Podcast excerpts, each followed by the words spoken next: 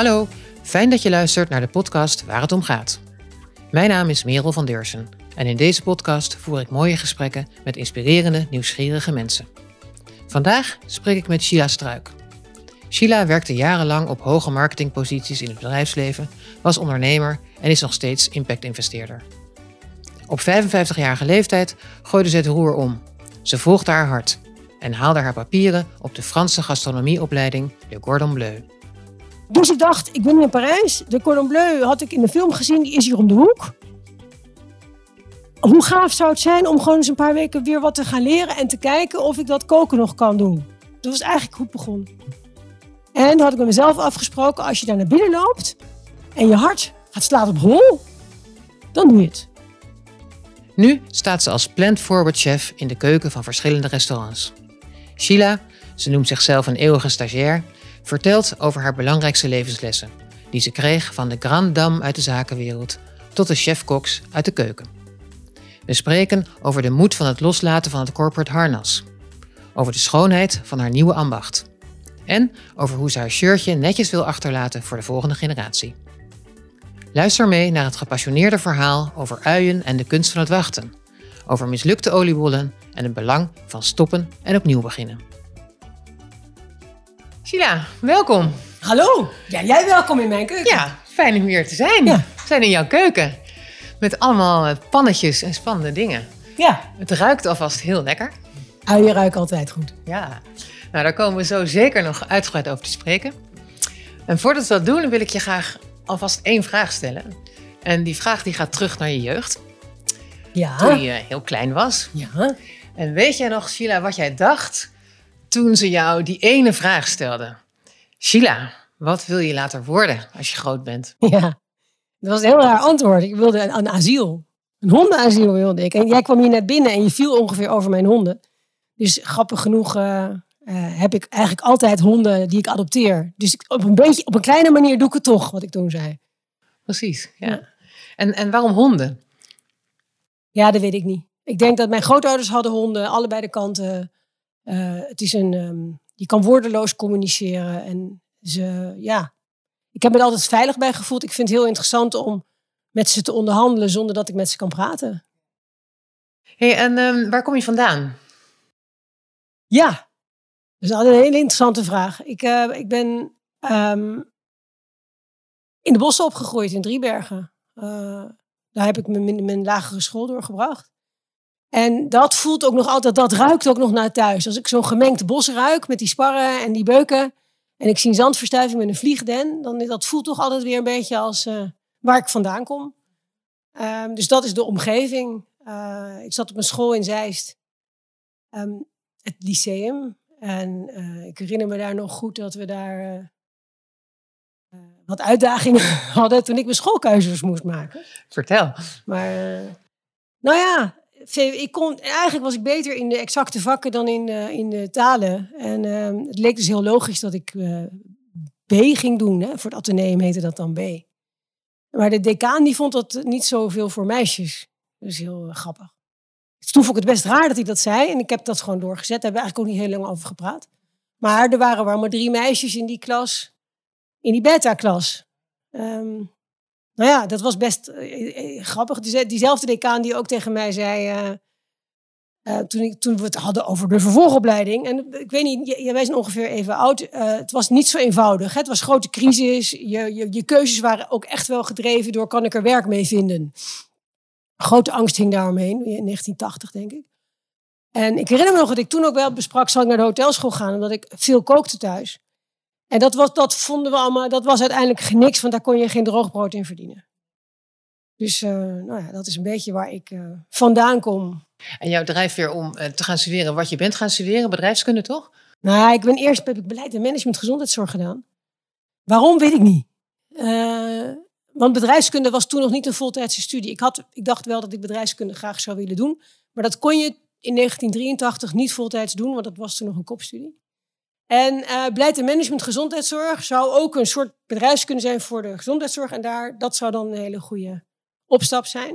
Ik heb dat met veel plezier gestudeerd in mijn eerste jaar. Mijn vakken ook gewoon gehaald in mijn propeduizen. Maar die gezondheidszorg en ik, dat was nog niet zo'n enorme goede combinatie. Dus ik ben in mijn tweede jaar eh, opnieuw begonnen met bedrijfskunde. Ja, met als idee ook, uh, daar kan je ook een baan in krijgen.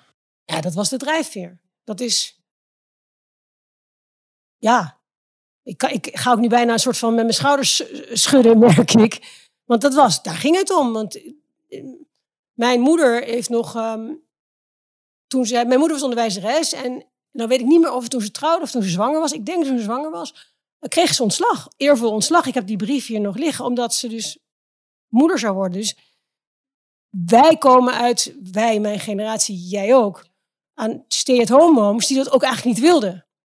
Dus het was wel heel belangrijk dat ik dat niet zou worden. Want ik wilde graag zelfstandig zijn, autonoom. En daarvoor was dus de eerste stap uh, bedrijfskunde gaan studeren. Want dan kun je. En ik ben ook denk wel, ik heb wel een hele brede interesse, dus dat past ook wel bij me. Bedrijfskunde hoeft je niets te leren als je maar wist in welk boek het stond, zeiden ze altijd. Ja. Uh, dus dat was een goede keuze. Ook daar zaten we met acht vrouwen trouwens, van de honderd.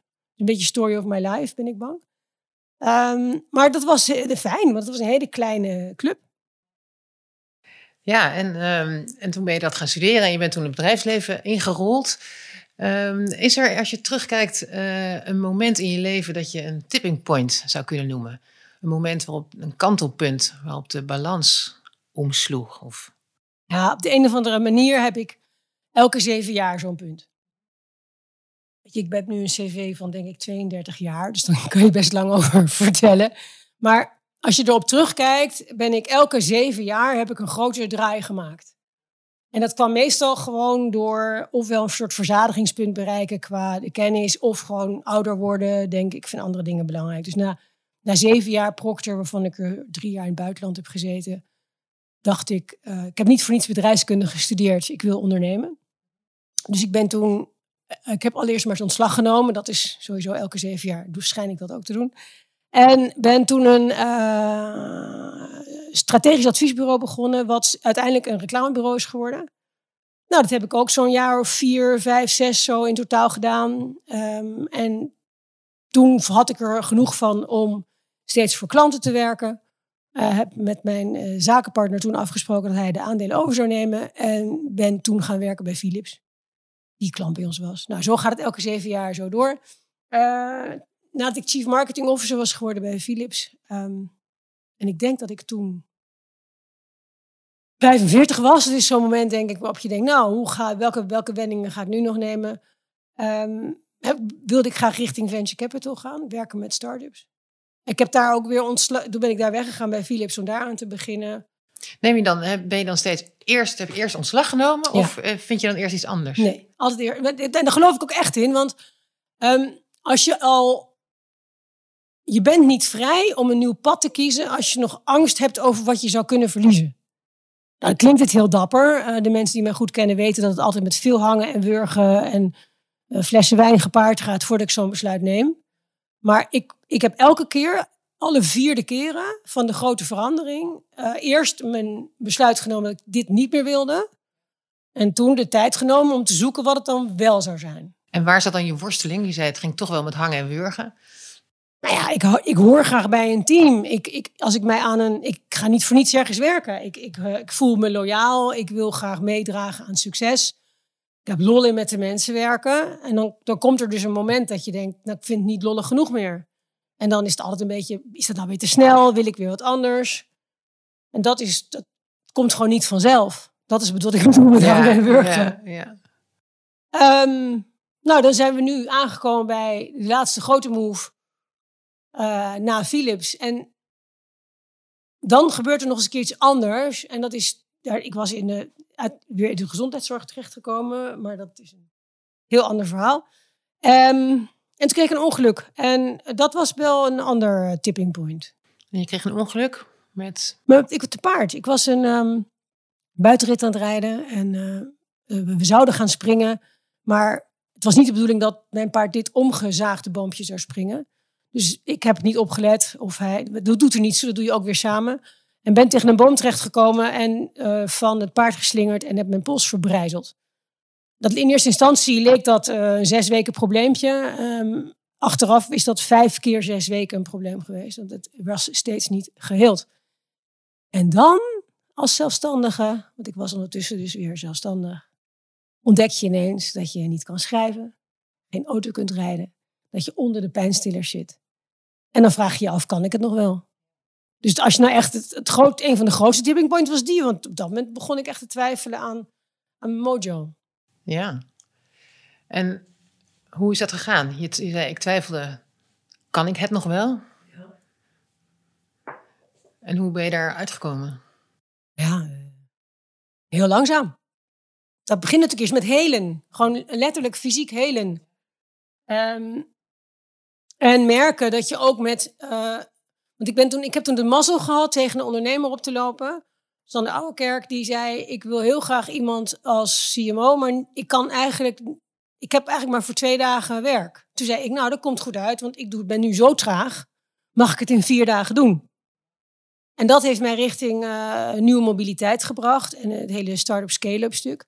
En, en dat was al heel fijn, want daar kon ik, ondanks dat het allemaal niet functioneerde, kon ik wel functioneren. En ik vind dat fijn. Ik, ik vind het fijn om bij te dragen aan iets. eh, dat, dat, dat, dus dat is het begin van je beter voelen. En dan daarna eh, is het dan toch weer waar je op uit gaat komen met je team en hoe het loopt. Maar je moet eerst helen. Precies. En is dat ook wat het je heeft opgeleverd, tussen aanhalingstekens? Je zegt het is echt een tipping point geweest voor mij.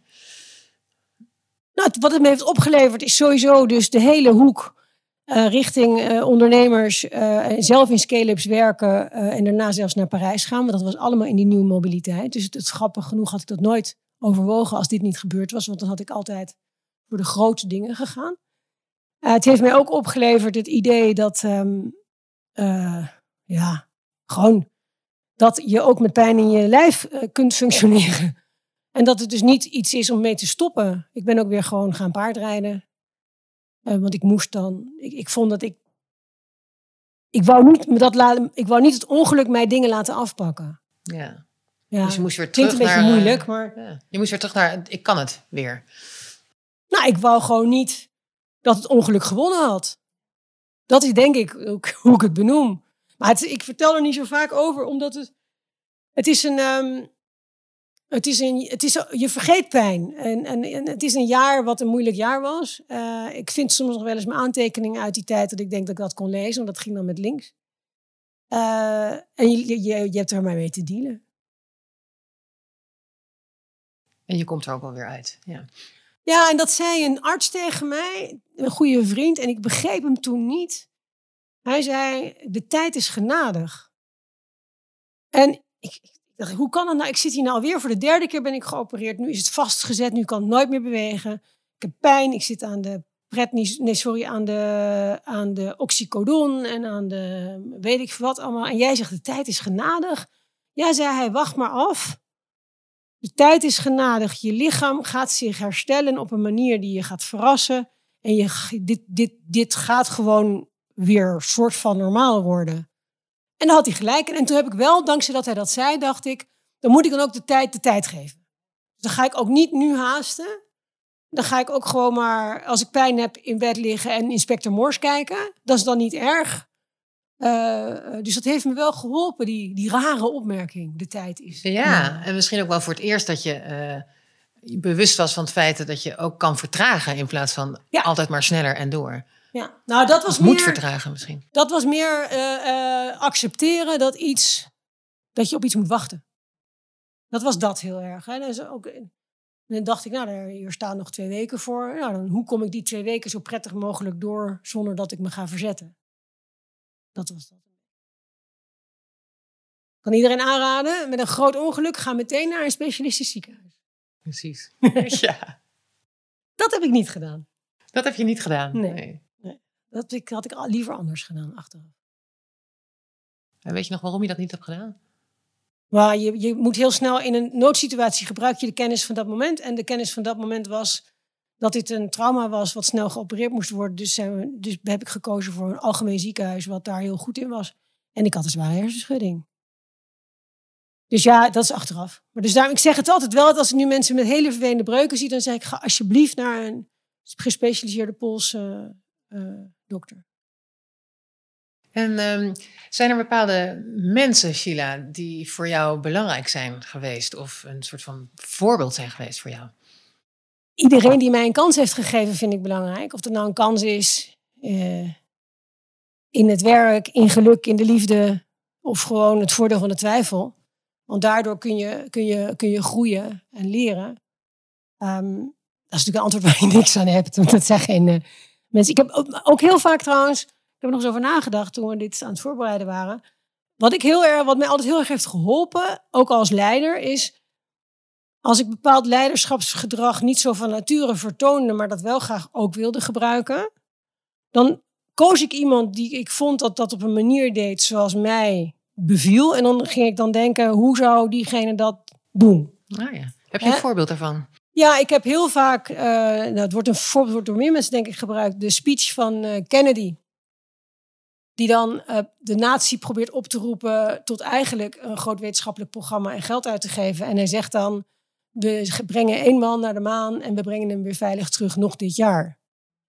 En hoe hij dat doet en hoe hij dat brengt, is doordat hij daar een hele duidelijke visie neerzet met een beeld erbij, kan iedereen vanaf dat moment daarbij horen.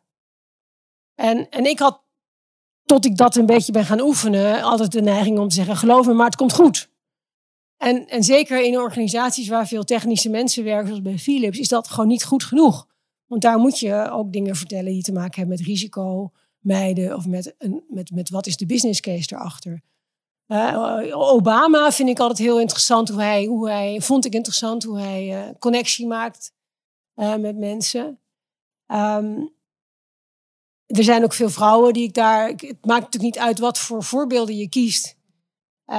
voor mij is, is Nelly Kroes altijd een voorbeeld geweest. Um, dus, dus ook belangrijk, want zij was zichtbaar in mijn studententijd. Zij toonde zich op de, op de vereniging met, met Saskia Stuiveling interessante tegenstrijdigheid tussen deze twee grand dames. En um, daardoor waren ze ook belangrijk voor ons, want we zagen vrouwen die op hun manier uh, invloed uitoefenden. En hun hersens gebruikten en iets deden voor de, ma voor de maatschappij. Waar Abneli dat deed op haar bekende wijze. Uh, deed Saskia dat op een andere manier. En Saskia, ik weet niet of je Saskia kent. Saskia Stuiveling. Saskia Stuiveling, die was, die was president van de Rekenkamer. Um, Saskia had, had de PvdA-signatuur, waarbij Nelly een VVD-signatuur had. Dat uitte zich natuurlijk in, in een kledingstijl die tegenstrijdig was. Ik, volgens mij rookte Saskia Caballero zonder filter. Ik denk dat ze ook verschillende drankjes dronk. En ze zaten allebei in de raad van advies of weet ik veel wat. En ik heb altijd dat beeld voor ogen gehad toen ik als 22, 23-jarige ze daar op die vereniging zag. En gelukkig heb ik Saskia uh, mogen ontmoeten een eh, jaar of twintig daarna bij het Trustfonds een, eh, een, een, vereniging die zich rond de universiteit heeft geschaard, rond haar oprichters. En ik heb haar dat ook nog verteld. Dat vond ik eigenlijk heel leuk. Ze zei, Saskia, sorry dat ik jullie nu lastig val, maar ik vond het zo belangrijk dat jullie zichtbaar waren toen, zodat wij konden zien hoe het allemaal kon. En op welke manier deed zij dat? Ja, Saskia was heel erg um, academisch. Uh, en uh, zocht snel verbinding. Dus aan de ene kant was ze eigenlijk heel gezellig. Dus zo herinner ik me haar mij. En aan de andere kant ging het heel veel over de grote dingen. Wat is, wat is juist, wat is niet juist, wat is, wat is waar. Tenminste, zo heb ik het, heb ik het gezien. Uh, maar ze is echt een belangrijke vrouw voor mij uh, geweest. In, uh, niet omdat ik moest doen hoe zij deed, maar door iemand te zien op haar manier kun je denken, oh, dat kan ik dan ook. Ja, je kunt op jouw manier kun je zichtbaar zijn. Ja. ja. En hoe probeer jij dat te doen? zichtbaar zijn. Ja, en op je eigen manier zichtbaar zijn. Probeer je dat ook weer te laten zien aan vrouwen om je heen? Of? Ja, dat is, dat is wel een beetje. De, ze zeggen wel eens uh, learn, earn, return. En omdat ik bij de Hogeschoolraad, bij Trustfonds betrokken ben, wat, wat dus. Uh, het, het Trustfonds is een, is een organisatie, Erasmus Trustfonds moet ik erbij zeggen, die um, een aantal fondsen beheert ten bate van het onderwijs. Dus dat zijn, is eigenlijk lief, niet liefdadigheid, maar het zijn fondsen waaruit beurzen kunnen worden betaald, waaruit onderzoeken kunnen worden betaald, waaruit allerlei dingen, leerstoelen worden betaald. En daar zit een vereniging omheen. En daar heb ik Saskia leren kennen. En um, door daar steeds te zijn, dacht ik, eigenlijk best gek dat hier in Rotterdam nog steeds zo weinig vrouwelijke hoogleraren zijn. Want vijf jaar geleden was maar 15% vrouw, was, was, was Rotterdam de slechtste op de lijst. En ehm, toen hebben we besloten met een aantal uh, gelijkgestemde vrouwen in eerste instantie, dat we dan maar moesten zorgen dat er meer vrouwen zichtbaar werden. En je kan wel zeggen, het is niet goed. Maar daar ben ik nooit zo van. Dan denk ik, ja, wat kan ik dan doen? En, en een van de grote lessen is, is wees zichtbaar. En laat zien op jouw manier, met je fouten en je makken en je irritantigheden. Eh, maar ook je kwaliteiten, hoe jij de zaken oplost. Want dan zien de jongens en de meisjes die nu studeren dat het ook op een andere manier kan. En dat die beide manieren elkaar kunnen aanvullen. Dus we hebben het Ondernemende Vrouwenfonds uh, opgericht. Waarbij we met een vrouw of 22, denk ik nu, uh, heel serieus op zoek zijn naar waar kunnen we helpen. Dus wij mentoren allerlei studenten dingen. We doen mee in businesscompetities. We doen in juries mee. Uh, we praten mee over uh, wat zijn de kansen, hoe kunnen we de kansen vergroten van, van vrouwen. En allemaal op een positieve, leuke manier. En we hebben er ook nog best veel lol in. Ja, ik wou zeggen. Ja, dus, maar het is, het is gewoon een beetje, het is heel simpel. Wij zeggen inspiratie, uh, invloed en inclusie. Dus wat is belangrijk dat je vrouwen of andersoortige. Hè? Ik bedoel, ik sta dan voor de vrouwendiversiteit, maar voor hetzelfde geld moeten we minder Hollands worden. Dus wil je ook mensen uit andere culturen zien of andere seksuele geaardheid belangrijkste is eerst dat je die ziet acteren op een manier dat je daarnaar kan kijken en het kan observeren. Want dan zie je dat het ook anders kan. Ten tweede is het belangrijk dat er mensen van deze signatuur op plekken komen van invloed. Waardoor ze dus dan ook dingen in werking kunnen zetten. En het derde, wat nog het allerbelangrijkste, en dat heb ik echt de afgelopen twee jaar geleerd, want daar ging ik heel erg overheen, is inclusie. Dus we kunnen wel zeggen, ze moeten meedoen, maar dan moeten we ze ook zorgen dat ze zich thuis voelen. Dat betekent dus ook dat in een, al in een, in een gremium met alleen maar uh, mannen, dat er, je erop moet letten dat als er een paar vrouwen aan tafel zijn, dat je dan ook wat andere woorden gebruikt. Niet dat je voorzichtig moet zijn, maar dat je bijvoorbeeld zegt de CEO, zij of hij. En niet zegt, we hebben een nieuwe financiële man nodig als je nog niet eens weet of het een man of een vrouw moet worden. En zo simpel is het. Maar het gaat ook verder. Dat, we hebben bijvoorbeeld geleerd als je een advertentie zet, uh, als je dan zegt analist met tussen haakjes de E erachter, dan krijg je dus ineens 20% meer vrouwelijke aanmeldingen. Omdat je gewoon aangeeft dat het om een man of een vrouw gaat. Dus inclusie is naast inspiratie en uh, invloed wat we daar proberen te doen.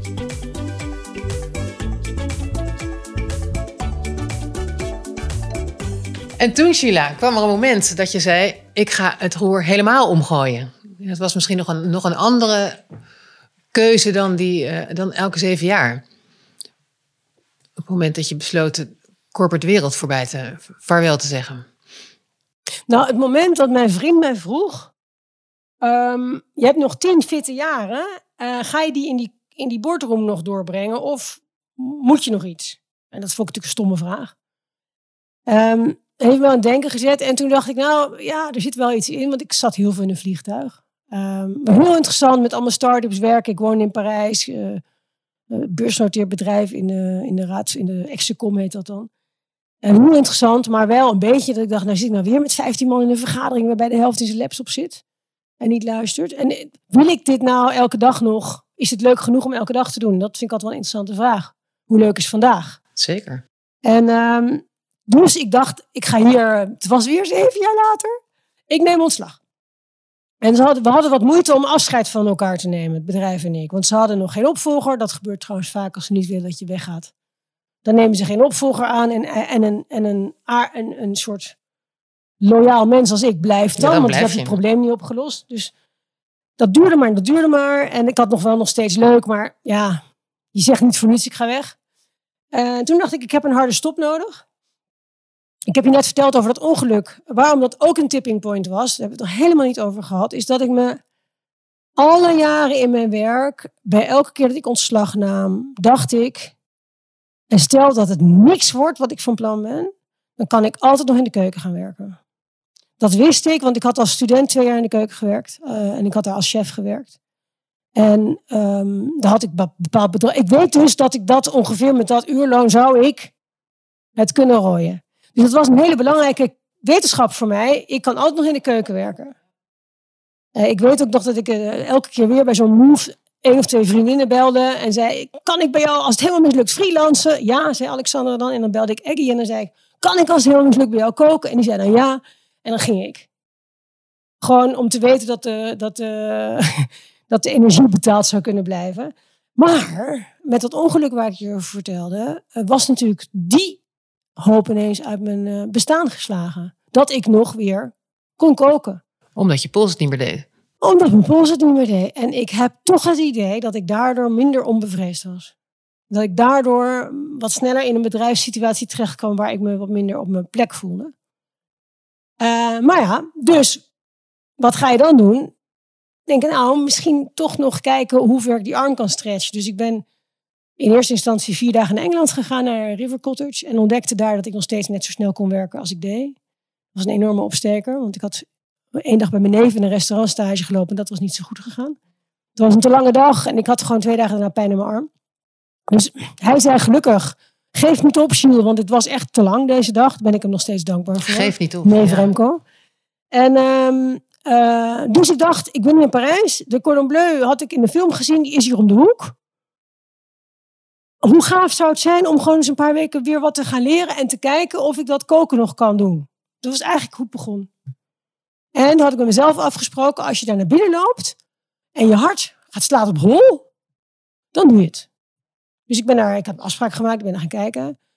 Een ongelooflijk deftig gebouw met allemaal strak in het wit. Die chefs met die hoge hoeden en een totale stilte hier. Dat is heel gedisciplineerd. En al die keukens. En dan nemen ze me op rondleiding. En ik stond daar en ik dacht, ik ga hier wel de oudste zijn. Maar ik wil ook zo'n hoedje op. Uh, en toen heb ik, heb ik het besloten te doen. Want ik dacht, ja, vijf weken, wat is nou vijf weken in een mensenleven? En je hart maakt een sprongetje. En mijn hart maakt een sprongetje. Uh, en, en, omdat ik dus daar, heb ingeschreven, kon ik ook afscheid nemen van uh, Europcar. Want dat was een logisch einde.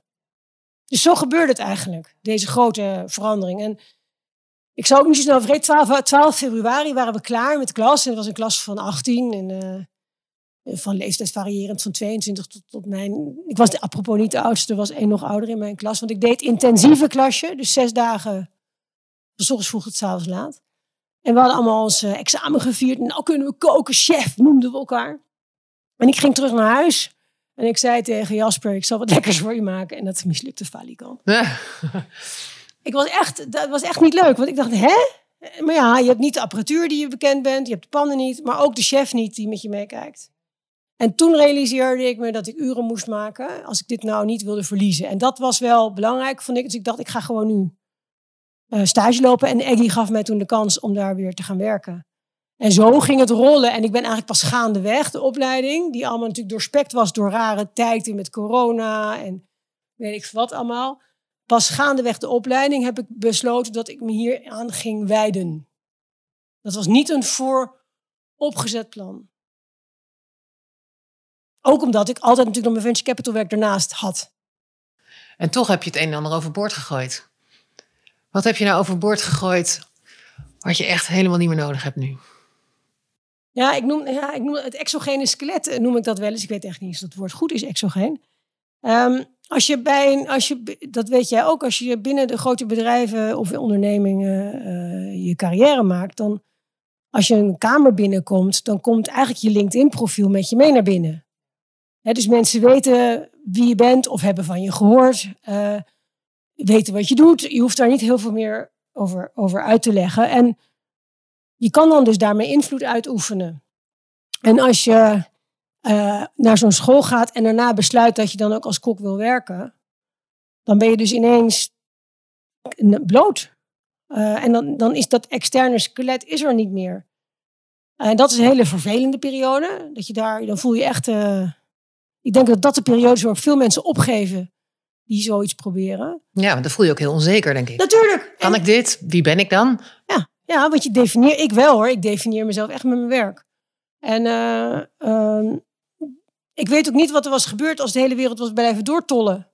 Maar we gingen natuurlijk allemaal een beetje binnen zitten ook nog. Hè? Misschien is dat wel mijn redding geweest, want daardoor kon ik met zelfstudie me nog verder erin verdiepen.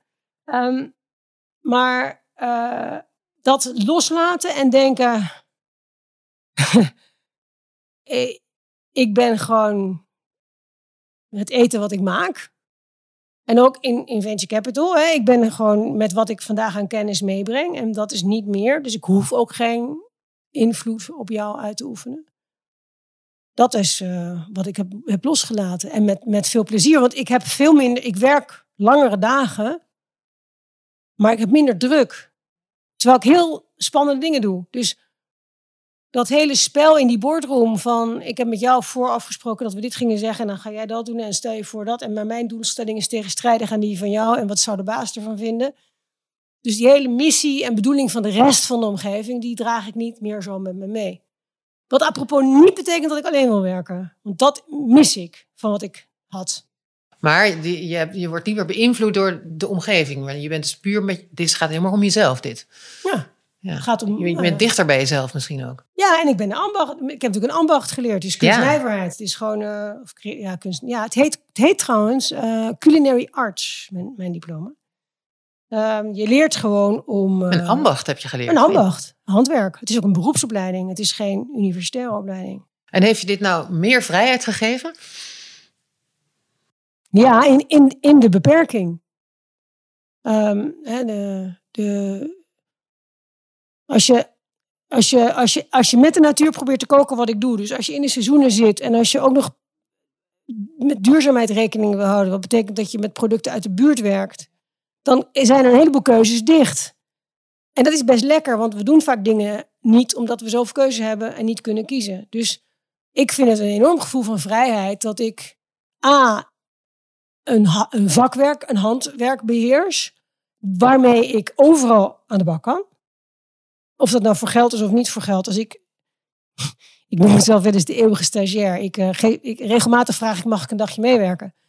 Een paar weken, een paar, in oktober heb ik twee weken in Spanje meegewerkt met een chef. Morgen ga ik uh, bij een slager, een ambachtelijke slager. Die, die zei, als je wil, mag je bij mij meekomen kijken. En morgenochtend om acht uur stap ik de slagerij in. Um, en dat, dat kan ik dus omdat ik weet wat ik kan. En ik hoef er niet mooi voor te praten. Ik hoef er niks voor te zeggen. Ik moet gewoon mijn mes pakken en laten zien hoe het werkt. En als dat niet goed genoeg is, dan weet ik ook dat ik weer wegga. En dat geeft heel veel vrijheid. Ja, dus de zekerheid dat je iets kan, geeft heel veel vrijheid. Ja. Nee. Dat ik het geleerd heb. Ja. Het is niet dat wat ik zelf verzonnen heb, maar dat ik dat... Uh, ja. Dat je een vak geleerd hebt. Ja. ja. ja. Mooi. Ja, fijn. Ja, ja precies. Fijn. En je hebt een vak geleerd van natuurlijk al die, al die uh, topchefs daar. En zijn er nou ook uh, bepaalde chefs of koks waarvan je zegt van jeetje, die hebben iets speciaals, die hebben iets wat ik echt van ze geleerd heb? Ja, um, dat is natuurlijk grappig, hè? want uh, het, zijn allemaal, het zijn allemaal types. En met type, dat zeg ik met heel veel respect, dat zijn allemaal mensen met een hele hoge, um, een hele hoge, ja, hoe moet ik dat nou uitdrukken? Ik begin even opnieuw. Het zijn allemaal uh, types. Ze, uh, bijna alle chefs die ik spreek, waar ik dan vraag, mag ik eens kijken, hoe doe je dat, waarmee ik werk, hebben op hun manier het métier geleerd van hun opleiders en leiden ook weer andere mensen op. Het is echt een gilde, hè? het wordt doorgegeven. En de een vult het zo in en de ander vult het zo in. Maar over het algemeen gaat het allemaal over in een gevaarlijke, drukke omgeving werken, onder hoge druk, waarbij je directe feedback van de klant krijgt wat niet altijd gegrond is, waarbij je producten uh, verkeerd binnen kunnen komen, te laat binnen kunnen komen of niet kunnen binnen kunnen komen, waarbij de prijzen kunnen variëren. En uh, nou, dan hebben we nog een paar van die dingetjes. Uh, en dat is dus interessant, want dat is wat mij betreft een hele goede leider. Alleen deze mensen hebben het algemeen zijn drukker bezig met als een soort aanvoerder het team aan te voeren dan echt de managementtechnieken erop los te laten. Want daar hebben ze het niet zo vaak over. Dus wat ik heel leuk vind is om te kijken wat ze doen. En dan te zeggen, hé, hey, dat is interessant. Dan zouden we in het zakenleven eens naar, naar moeten kijken. Ik, Noem eens, noem eens wat, wat je opviel, wat, wat interessant nou zou zijn voor het in, het simpel, Ik heb een groter verhaal wat ik je zo wil vertellen. Maar een simpel dingetje is... Um, um, chef, Christ, uh, chef Moen, die zei vlak voor zijn pensionering... twee sterren chef die we les hadden, die zei... De schoonheid van ons vak is dat je het elke keer weer beter kan. En dat klinkt eigenlijk best wel depressief in de oren als je denkt, uh, is nooit klaar. Is nog niet goed genoeg. Maar hij vond dat dus fantastisch. Want dat betekent dus dat we altijd kunnen overleggen. Wat heb je hier gemaakt? Hoe kan het anders? Hoe kan het beter?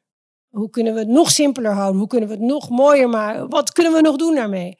En door dat te omarmen, het idee, het is nooit perfect, laten we dat accepteren, maar elke keer er naartoe komen in search of perfection, dan kun je elke dag met elkaar bespreken wat ging er goed, wat ging er niet goed. En dat heeft een soort van positieve insteek in Ja, plaats maar, van... oh, maar exact. En, en, en, en in, in het zakenleven zeggen we vaak, we doen één keer per jaar een beoordelingsgesprek en dan ga je dus zeggen, het was niet goed genoeg. Nou ja, ja, natuurlijk is het niet goed genoeg, want het is nooit goed genoeg. Laten we dat maar om- omarmen. Dus dat vind ik heel interessant. Ehm, ik heb een, ehm, eh, afgelopen december eh, de, de kans gezien om met eh, Lars van Galen mee te werken. Een eh eensterren chef uit het oosten van het land.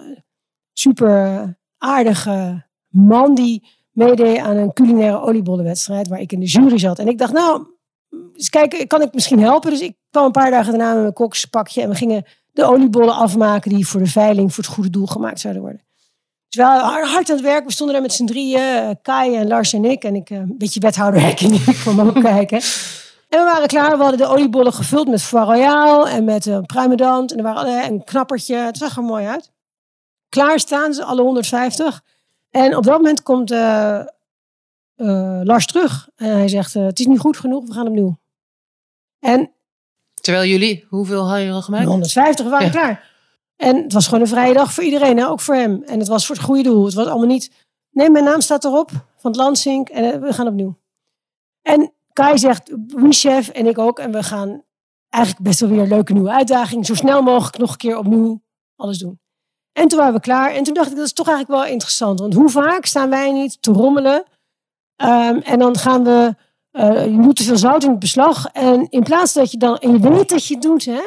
En toch ga je door. Want je, bent dan dus, je hebt eigenlijk geen zin om opnieuw te beginnen. Terwijl je wel bereid bent om een uur te roeren in een pan die niet klopt. Waarvan je weet dat het niks gaat worden. Dus wat ik zo fantastisch vind, is dat hij zonder twijfel zegt: niet goed genoeg, we stoppen, we beginnen opnieuw. En hij vertelde mij later dat hij een, een wedstrijdkok is. Uh, die, die chefs doen heel veel wedstrijden. En dat, daar hebben ze zijn zelfs nationale teams voor. En dan moet je natuurlijk heel snel beslissingen leren nemen. En ook stoppen als het niet goed genoeg is. Dus ik vermoed ook dat dat een rol speelt bij deze uh, capaciteit, van deze, deze, deze manier van denken van hem, die ik er, erg bewonder. En ja, ook daarvan denk ik, we moeten vaker zeggen: stop, het is niet goed genoeg, we beginnen opnieuw. Durven stoppen, ja. op tijd te stoppen en ja. dan gewoon opnieuw ja. beginnen. Ja, ja. ja. goede les. Ja. ja. Hey, en uh, ik heb je ook gevraagd om, uh, om na te denken, om, om iets mee te nemen. Of nou, ik ben nu bij jou, maar om iets mee te nemen naar je keuken. Uh, iets wat voor jou uh, van waarde is en waar het, wat, waar het voor jou om gaat. Ja, dan ga ik gewoon nu even met wat pannen rammelen. Dat Ja. geeft volgens mij helemaal niks. Um, wat ik heb, namelijk één. Uh, ik ben, uh, zoals je, daar hebben we het nog niet zo heel erg over gehad, denk ik. Maar mijn, um, als kok is mijn overtuiging um, dat wij uh, wat minder, wat minder dierlijke proteïne moeten eten en wat meer groente op het midden van het bord moeten zetten. dat is omdat het beter is voor het klimaat, maar ook omdat het gewoon lekker is.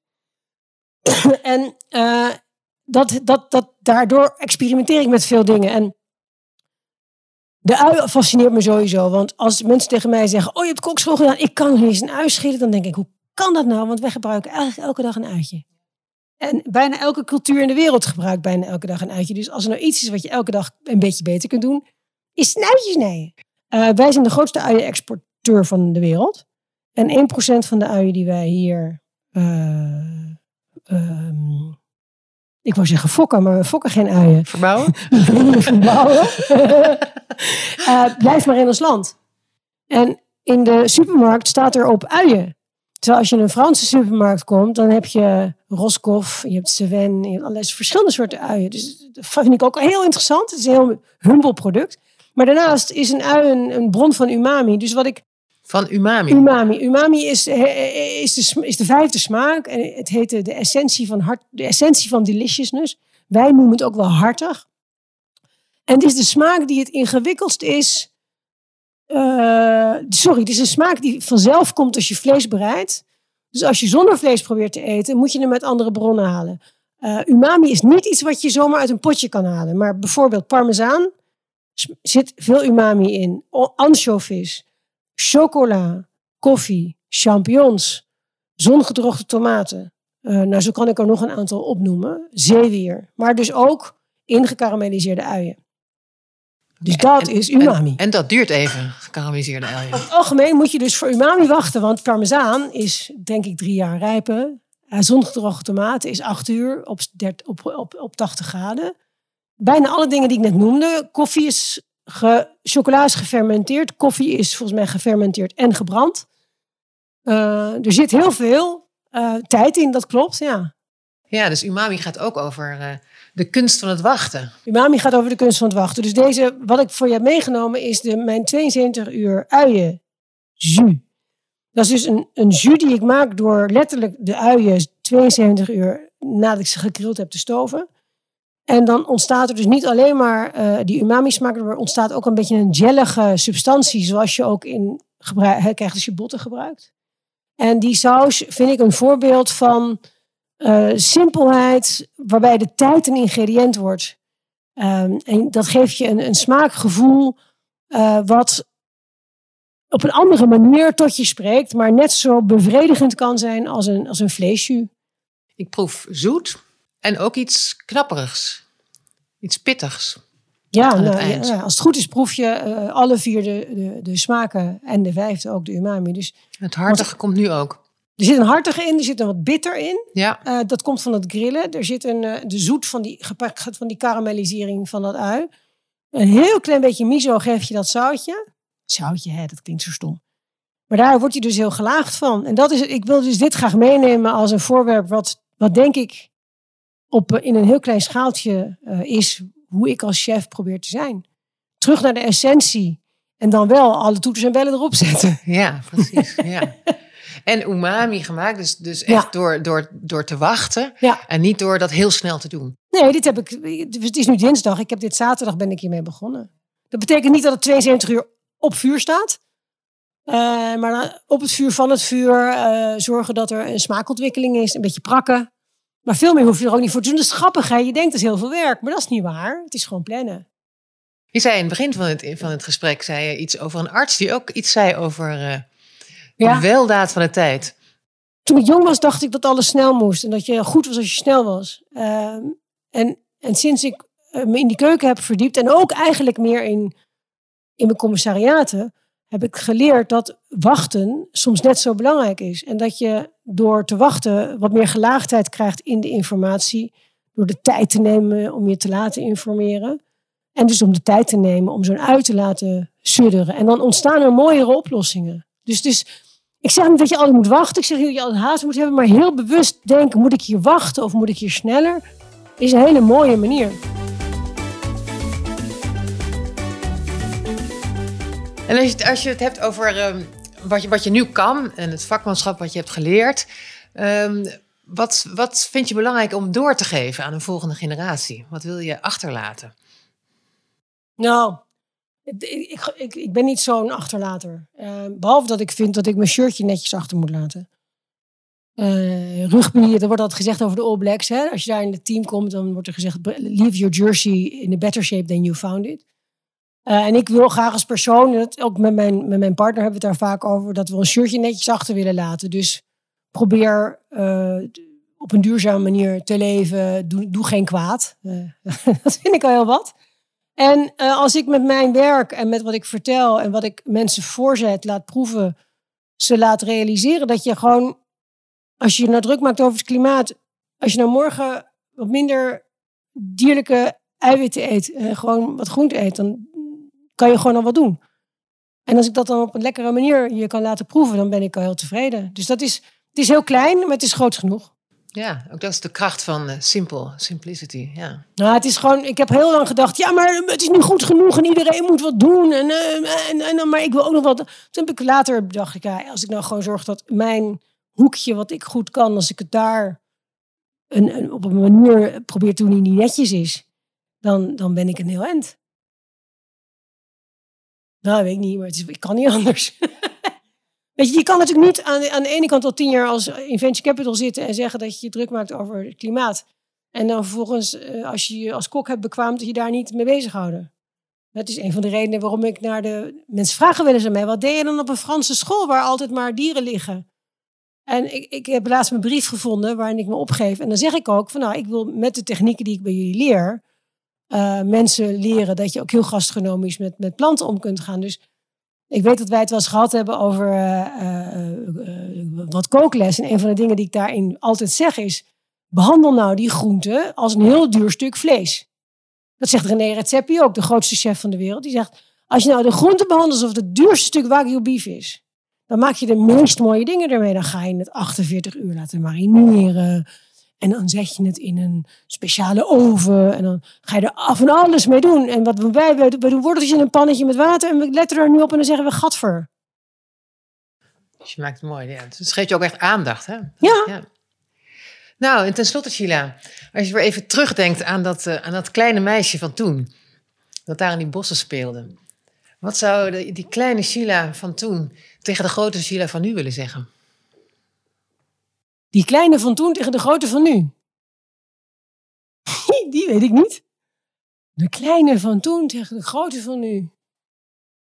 Poeh, ik denk dat die. Uh, ik denk dat die een, uh, een zakmes zou pakken. En, en, en zou zeggen: Kijk, als we nou deze stok pakken, dan kunnen we zo daar die speurtocht door het bos lopen.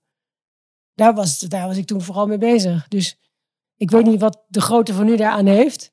Uh, maar uh, de verwondering van wat je kan vinden in de natuur uh, en wat je ermee kan doen, is denk ik wel datgene wat ik daar, wat, wat, wat de 50 jaar zou kunnen overbruggen. Omgekeerd zou ik zeggen, um, wees niet zo dom om 30 jaar lang geen creatieve dingen te doen. Want dat is denk ik wel, ik heb helemaal geen spijt van de dingen die ik heb gedaan. Het is zoals het is. Het is gelopen zoals het moest lopen. Alleen ik vraag me wel eens af waarom ik nou 30 jaar lang heel weinig heb gedaan met mijn handen en alleen maar in mijn werk en met mijn creativiteit. En dat ben ik nu zo hard aan het inhalen dat ik af en toe doodmoe word van mezelf. Dat is dan wel de waarschuwing die ik omgekeerd zou geven. Maar je bent ook opnieuw begonnen en... Ja, maar ik heb heel veel haast nu om nog heel veel dingen te doen en dat is best wel gek. Ja. Hoeft niet, kan rustiger. Je kan rustig, umami. Ja, umami. Dankjewel, Sheila. Graag gedaan. Nu gaan, we nog eventjes, nu gaan we nog even de uien... Dat lijkt me een heel goed idee. Heel goed.